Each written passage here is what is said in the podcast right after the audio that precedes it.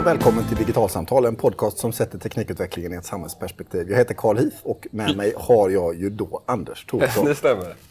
Eh, Anders, vi är lite trötta. Det är vi. För vi har varit på internetdagarna i Stockholm i två dagar. Måndag, tisdag.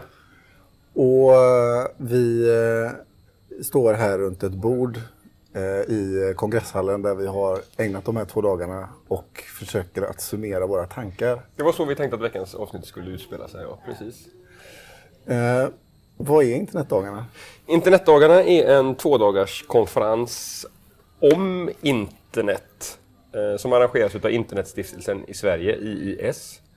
Eh, som i år firar 70 17-årsjubileum, tror jag de sa. Eh, det skulle vara 18 år nästa år.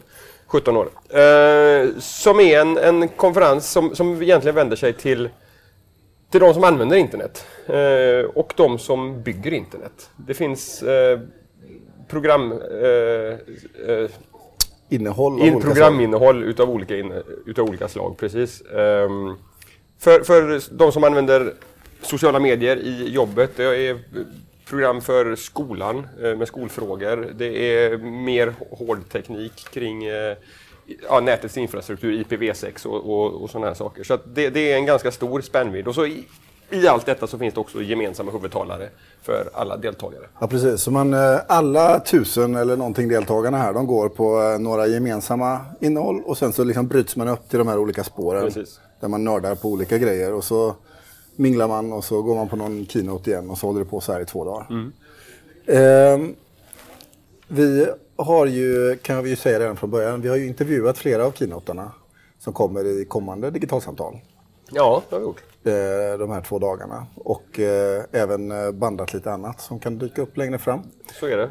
Eh, men idag, här och nu där vi befinner oss, så eh, känns det på sin plats att bara fundera över vad vi själva tar med oss Ja, efter två dagars internettokeri.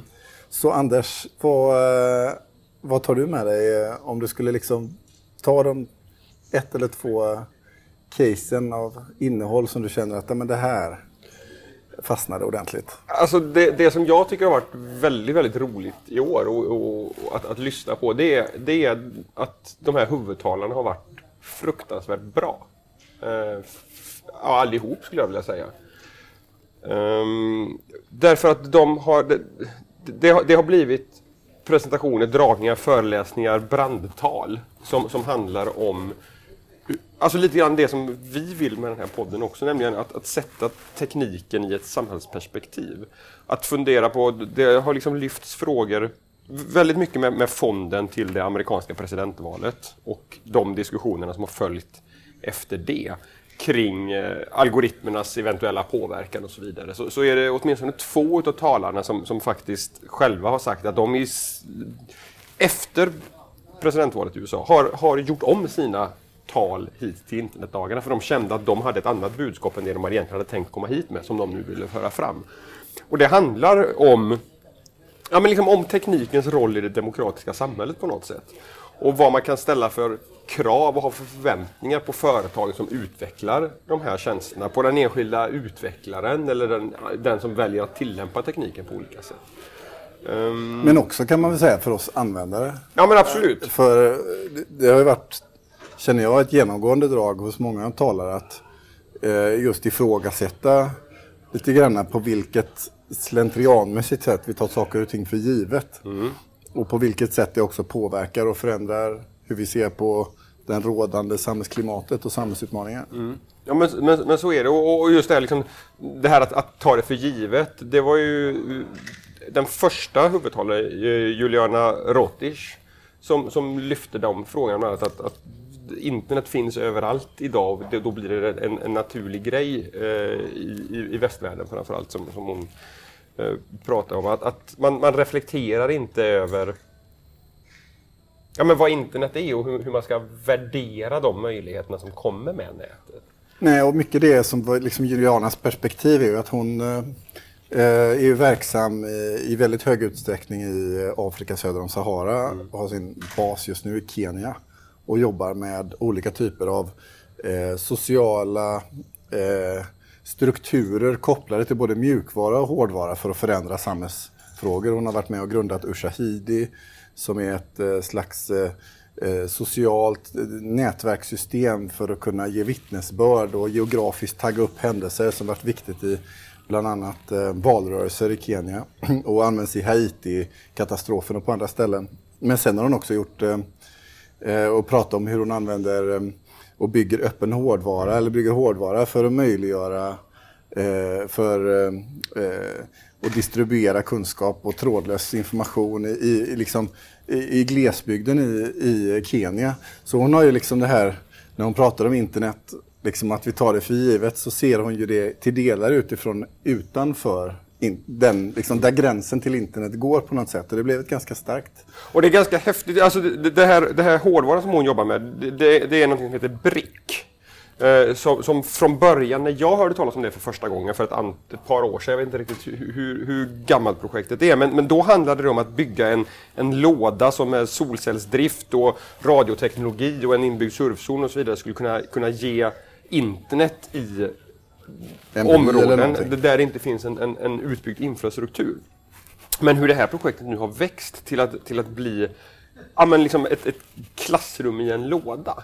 Där, ja, där, man inte ens behöver ha internetuppkopplingen utan där allting finns i det här systemet. Ja, man kan de, åka runt med det. Och där de landar i det att liksom, så som man designar IT för utbildning, det bygger på föreställningen om hur IT är i västvärlden. Mm. Men där eh, möjligheterna och utmaningarna är helt annorlunda i Afrika söder om Sahara såklart än vad de är här. Mm. En talare som, om man ska hoppa över till någon annan, som, som jag har hört förut men som eh, alltid eh, ger en nya tankegods, det är ju Mikko Hypponen mm. eh, från F-Secure. Som, eh, eh, han är forskningschef och pratar väldigt mycket om nätsäkerhet. Och idag så, eh, eller igår så här på konferensen så pratade han väldigt mycket om hur internet har kommit att förändras genom Internet of Things och på vilket sätt det påverkar vår säkerhet i vardagen på internet, bland annat. Eh, och slog ett slag för just vikten av att alla människor förstår innebörden av god säkerhet och hur man handskas med den. Men också med en liksom fet passning till eh, de företag som utvecklar sån här teknologi. Att det här är ett komplext Eh, system och ett svårt sammanhang att förhålla sig till. Ja, och, och, och liksom det här med, med, Internet of Things liksom tangerades ju i, i något annat utav huvudtalarnas presentationer har jag för mig också. Men, men det här är också en fråga som kommer väldigt mycket just nu och som, som är väldigt Alltså vi har haft det här Miraibot-nätet som, som Mikko pratade om som är alltså ett, ett kapade webbkameror som, som slår mot... Eh, de, de har gjort något av de största överbelastningsattackerna någonsin under de senaste en och en halv månaden ungefär. Och det här ju, har ju varit väl omskrivet, men, men det som var, var, en nyhet för mig igår när han pratade var att, att det i nuläget för det som har hänt, det är att den mjukvaran för att skapa det här botnätet, för att kapa de här grejerna, har givetvis blivit släppt fri. Eller givetvis, men det, det har blivit så. Den, den är släppt fri, så att vem som helst kan göra sitt eget botnät. Alltså nu helt plötsligt så var det liksom... Mm, 53. 53, 53 igår, mer, 53 ja, botnät. Ja, precis. Och det här är ju ett, ett det här är ju liksom samma sak som, som flera av de andra pratar om också, att, att man som, som utvecklare idag måste fundera på vad få min teknik för konsekvenser, fast ur ett lite annat perspektiv. Därför att det, det de andra pratar om, det, det är ju väldigt mycket ett, ett, perspektiv utifrån liksom mellanmänskliga relationer. Liksom vad, vad möjliggör min plattform? Alltså, lägg, gör den en grogrund för, för näthat eller, och, och, och, så vidare. Men, men det här är ju samma sak, fast när du, när du utvecklar hårdvara idag. Om du inte gör den hårdvaran säker, så får den konsekvenser för alla andra på nätet också. Därför att den kommer kunna utnyttjas en jädra massa skit. Ja, och en sak som Mikko eh, beskrev som gjorde att jag satte liksom hjärtat i halsgropen en smula, det var ju att eh, han konstaterar att eh, det här Mirai-nätverket det går ju till på det viset att det söker på liksom låga säkerhetströsklar mm. i vanliga Internet of Things-prylar. Den uppkopplade brödrosten, madrassen och eh, webbkameran och vad det nu är för en, en pryl. Va? Eh, och så ligger och söker hela tiden de här nätverken. Så vad han sa var att om man är, köper en, en mojäng som man kopplar upp på internet och man bara kopplar in den så inom loppet av tre minuter så, Så är den kapad? är den redan ja. kapad. Ja. Och det här kommer ju pågå också med alla prylar som finns där ute som eh, ännu inte är uppkopplade men som finns i handeln och, och har dåliga standarder. Och, och det, det är inte bara ett problem att, att de är... Att, att det här händer nu. Därför att problemet med de här uppkopplade prylarna också är att tillverkarna är väldigt dåliga på att, att fixa de här säkerhetsfrågorna. Vi är vana vid att det kommer nya uppdateringar av våra operativsystem och våra program i våra datorer och mobiltelefoner. Men när det gäller uppdatering av de här internet och things-prylarna så sker det i väldigt låg utsträckning. Det andra som är väldigt liksom, intrikat med de här, just det här botnätet åtminstone, det är att du har en webbkamera och så kapas den. Men den, an, den kapas inte för att någon vill använda kameran i den. Så det är inte det att du som, som ägare av den här prylen blir utsatt för att någon tjuvkikar Nej, på den. du märker antagligen inte Nej, överhuvudtaget. precis. Du märker inte att du har drabbats av det här. Och det innebär att du har heller inte något incitament. Du vet inte att din webbkamera är en del i överbelastningsattacker mot liksom, eh, sajter i USA eller annanstans just nu. Vilket också gör att liksom, den genomsnittliga ägaren av de här prylarna kommer inte ens veta om att det har hänt. Och, även om det hade funnits en mjukvara att uppdatera så hade de inte liksom, känt till att det behövde göras. Eh, jag gick fram till honom och frågade efteråt. Men vad är lösningen på det här då? Hur, hur, hur ska man komma till rätta med det här? Ehm, därför att användarna, det, går- det går ju som användare av de här prylarna i dagsläget att, åtminstone många av dem, att gå in, för precis som du säger, eh, de blir smittade därför att de har förinställda lösenord som ger eh, tillgång till all mjukvara i, i dem. Och Det innebär att man, man gör helt enkelt ett inloggningsförsök och skickar ett tiotal olika eh, användarnamn och lösenordskombinationer och så till slut kommer man in och då vet man inte vilken pryl det är man har kommit in i. Så då har man ytterligare 10-15 olika typer av skadlig kod som man laddar upp till, till de här. Ehm, men skulle man ha ändrat lösenordet när man, när, när man installerade den så, så hade man, då är man skyddad, i alla fall just i det här fallet. Men användarna vet inte om det. Antingen så är det liksom en gigantisk utbildningsinsats för användarna, det kommer behövas. Men det kommer också behövas, um, tror jag, och och alla andra också egentligen, att att eh, de som tillverkar de här prylarna behöver tänka till. Men det som, det som Mikko sa till mig på, liksom på den direkta frågan igår var att han tror också att det kommer behövas liksom nya typer av, och en brasklapp här för att han jobbar på ett säkerhetsföretag, men att det kommer behövas nya typer av säkerhetslösningar hos användaren. Eh, Så att eh, F-Secure jobbar med, med liksom eh, säkerhetsprodukter för slutkonsumenter som ska sitta mellan internet och de uppkopplade prylarna. Som ska filtrera bort de här typen av sakerna som skulle lanseras någon gång nästa år. sa han. Och det ska bli jätteintressant att se ifall det här kan vara en dellösning. För att internet fungerar ju så att infrastrukturen, kablarna, det som är internet är i någon mening dumt. Och allting som händer, både bra och dåligt, finns i de prylarna som vi kopplar upp på nätet. Nej, menar, alternativet skulle ju vara att man liksom tänker precis som i elsäkerhet och annat, att det finns standardiseringssystem Mm. och att man certifierar och märker upp prylar och sånt där. Eh, Men utifrån hur vi kopplar upp saker på internet och så vidare idag så, så är det en ganska grannlaga uppgift att Och- få till stånd kan jag föreställa Ja, och mig. den frågan var ju något som vi lyfte när vi intervjuade eh, eh, Chris eh, Heilman. Precis. Eh, eh, som, också var en utav, utav eh, hu- huvudtalarna. Han jobbar på Microsoft. Och, och ha- han konstaterar ju att jo, men det är klart att en sån certifiering hade ju varit bra, men vem ska stå bakom den? Och liksom, hur, hur, hur ska det omsättas i praktiken med tanke på hur många olika typer av prylar det är? Så det kanske trots allt inte är en jätteframkomlig väg att gå, jag vet inte. Nej, vi får väl se. Hur, Bru- Bruce Schneier, känd IT-säkerhetsexpert, har, har, ju, har ju i ett blogginlägg för, för ett, en liten tid sedan liksom skrivit om att han tror att lösningen på det här är, är att lagstiftarna måste gå in och, re, och reglera det här. För att det, är det enda sättet som vi kommer komma till rätta med det här problemet på. Ja, precis. Är, men vi vet om att vi står inför ett jättestort problem med internet och things-prylar eh, ur ett användarperspektiv. Och det finns olika vägar framåt. Och sen vilken väg, eller om det blir många bäckar små kanske. Eh, det återstår att se. Jag eh, får ju säga, vad gäller gårdagen på internetdagarna, att eh, föga förvånade det som eh, fick mig att bli mest eh, fascinerad, det var den extra talaren som dök upp eh, senare på eftermiddagen, eh, som ju alla vet om Edward Snowden.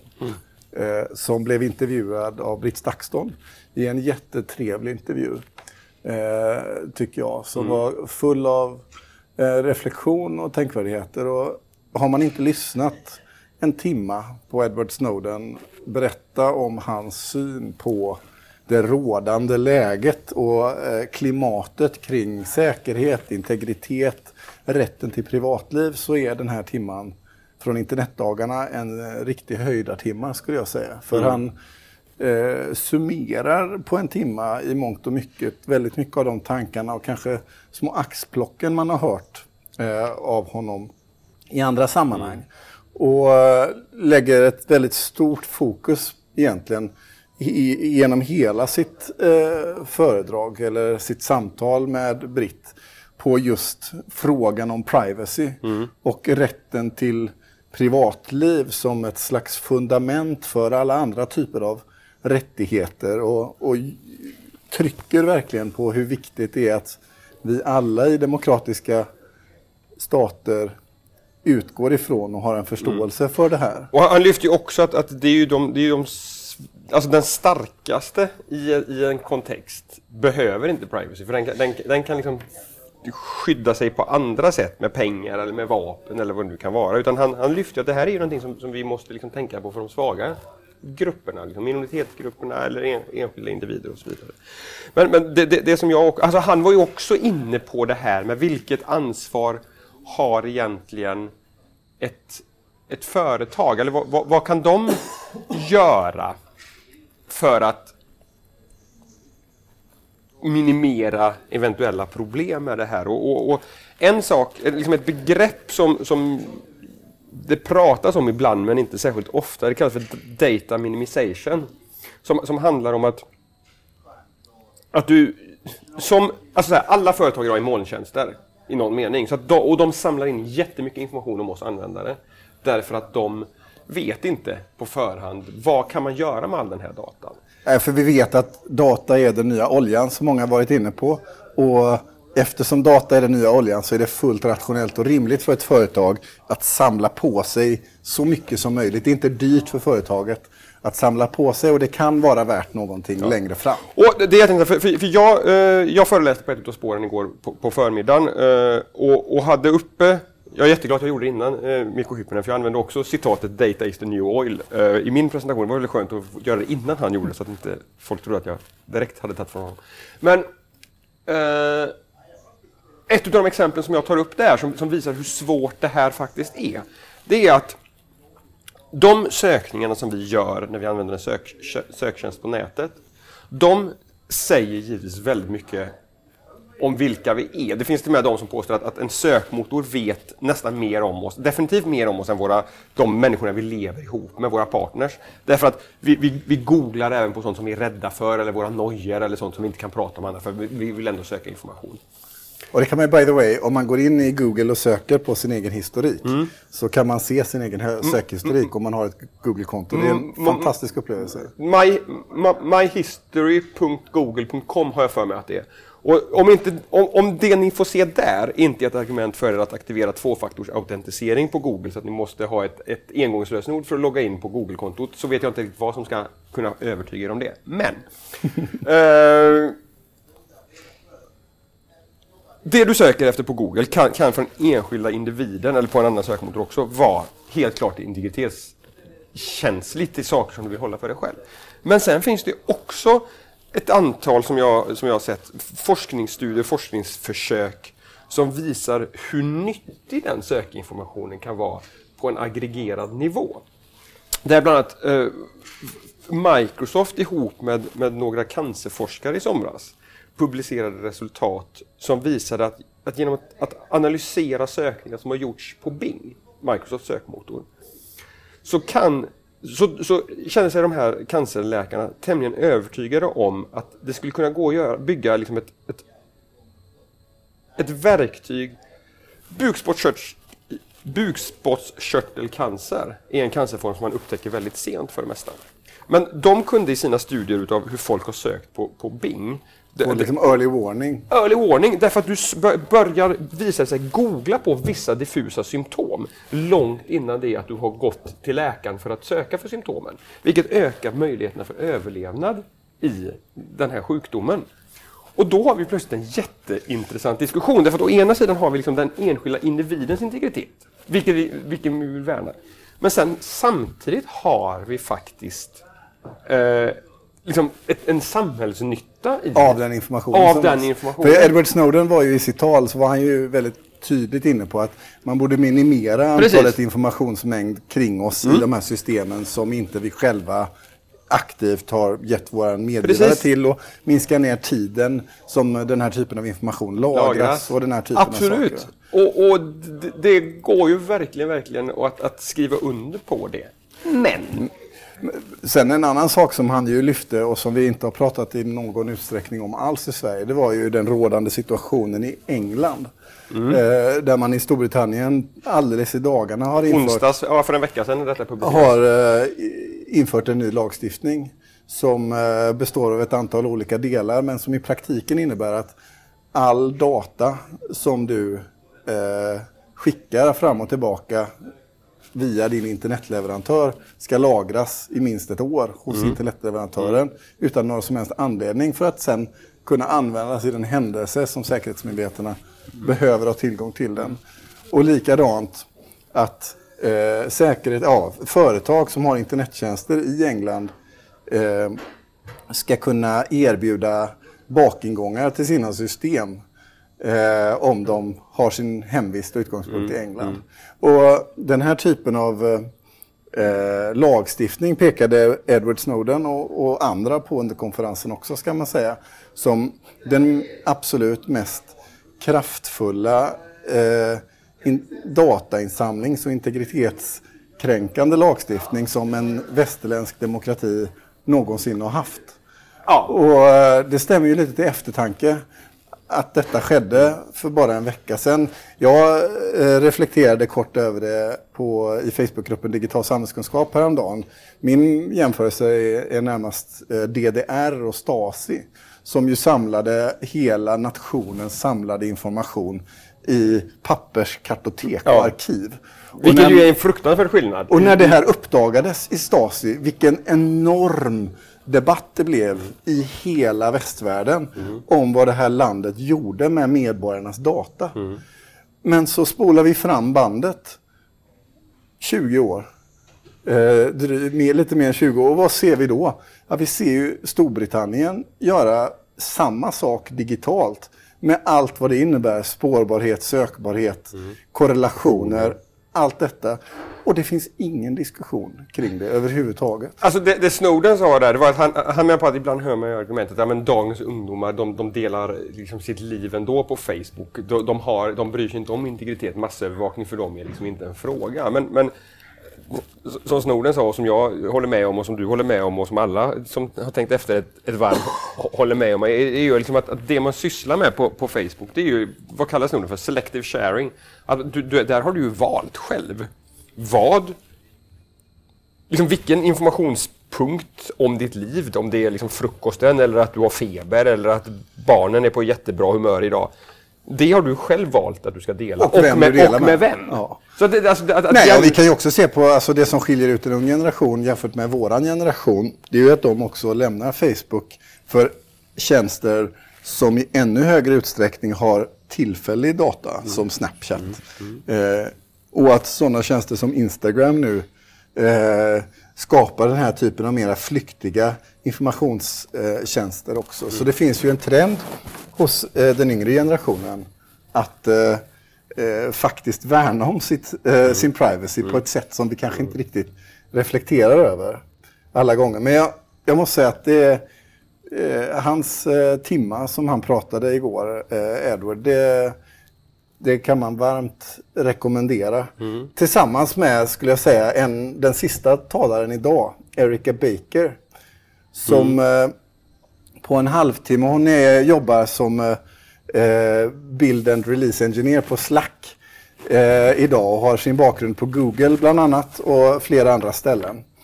Eh, Erika, hon var en av de här talarna som ändrade i sitt tal, eh, sitt föredrag eh, utifrån den eh, senaste tidens politiska skeenden och ägnade sin halvtimme i mycket hög utsträckning åt att eh, få oss alla i auditoriet att förstå eh, vilket djupt demokratiproblem eh, vi står inför i hur vår nuvarande diskussion är på nätet.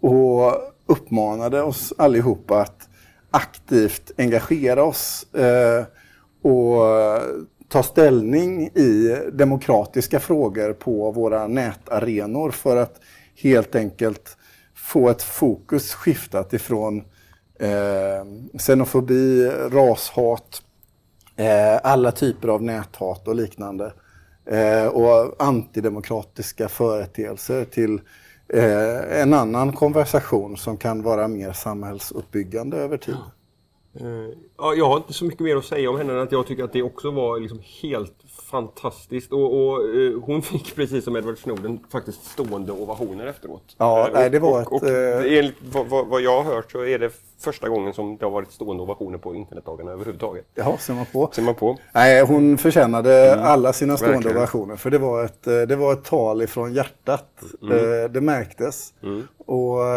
det fick en verkligen och reflektera över jättestora och komplexa frågor och hur man, mm. hur man ska handskas med dem på ett, eh, på ett sätt som, som funkar. Mm. Jag tänkte när jag hörde henne på ett initiativ, vi får väl kanske återkomma till det i ett senare eh, digitalsamtal, men eh, de här senaste veckan så har det dykt upp en den har funnits sedan i maj men det har accelererat den här sista veckan. En Facebookgrupp som heter Jag är här. Mm -hmm. eh, som nu har en 8000 medlemmar eller något sånt där. Och när jag hörde Erika prata så kände jag att eh, en liten del av svaret på de här frågorna den finns i den här Jag är här Facebookgruppen. Vad den gör det är att den är en slags samlingsplats för människor som vill förändra en hatkonversation på nätet. Eh, så i och är här Facebookgruppen så, ehm, så kommer det förslag på eh, eller uppmärksammas det trådar på nätet där det pågår ett aktivt näthat mot någonting.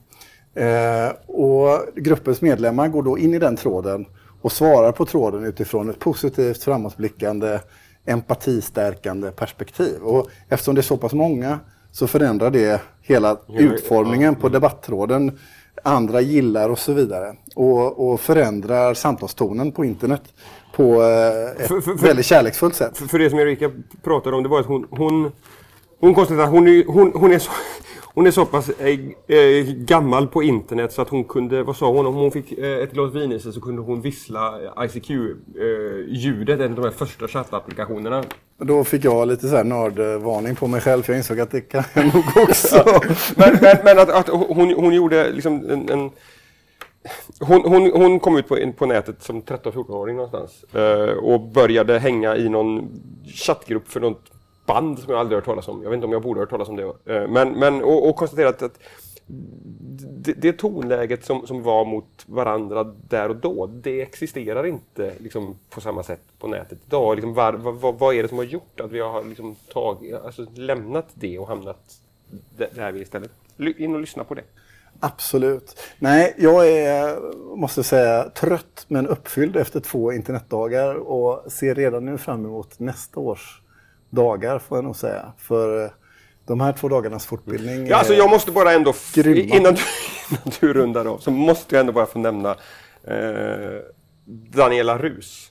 Ja. Som, som är eh, amerikansk professor på eh, MIT, MIT precis, eh, på, och, och, håller på med robotar. Och det som var så häftigt med henne eh, och det hon visade var att ja, men robotar, då tänker man liksom ja, någorlunda stora saker. Och hon började med lite drönare och sånt här. Och, ja, det var ju häftigt.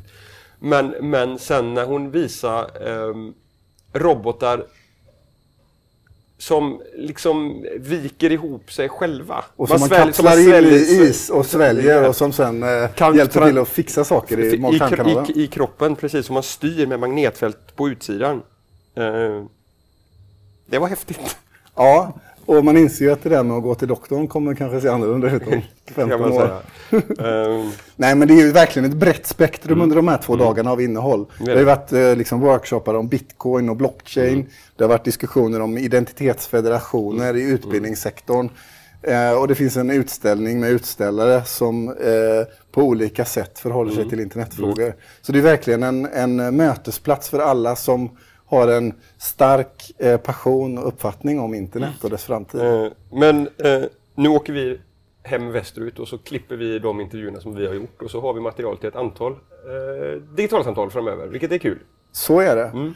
Eh, så med det så får vi nog runda av den här eh, podden. Eh, surfa jättegärna till eh, Digitalsamtals Facebook-sida och eh, gilla den så postar vi avsnitt och ni kan hänga med. Diskutera gärna i eh, gruppen Digital samhällskunskap. Och är det så att ni vill prata med oss finns vi på Twitter på ett digitalsamtal. Och om det är så att ni prenumererar på oss i någon poddspelare av något slag så recensera och betygsätt oss gärna. För ju mer ni gör det, ju mer hamnar vi upp i sökresultat och fler får möjlighet att hitta till oss. Vi kan också påminna om podcastpriset. Gå gärna in eh, på podcastpriset och eh, rösta på oss så kanske vi har en liten chans att få oss en liten hatt. För det, till nästa gång, hej då! Hej då!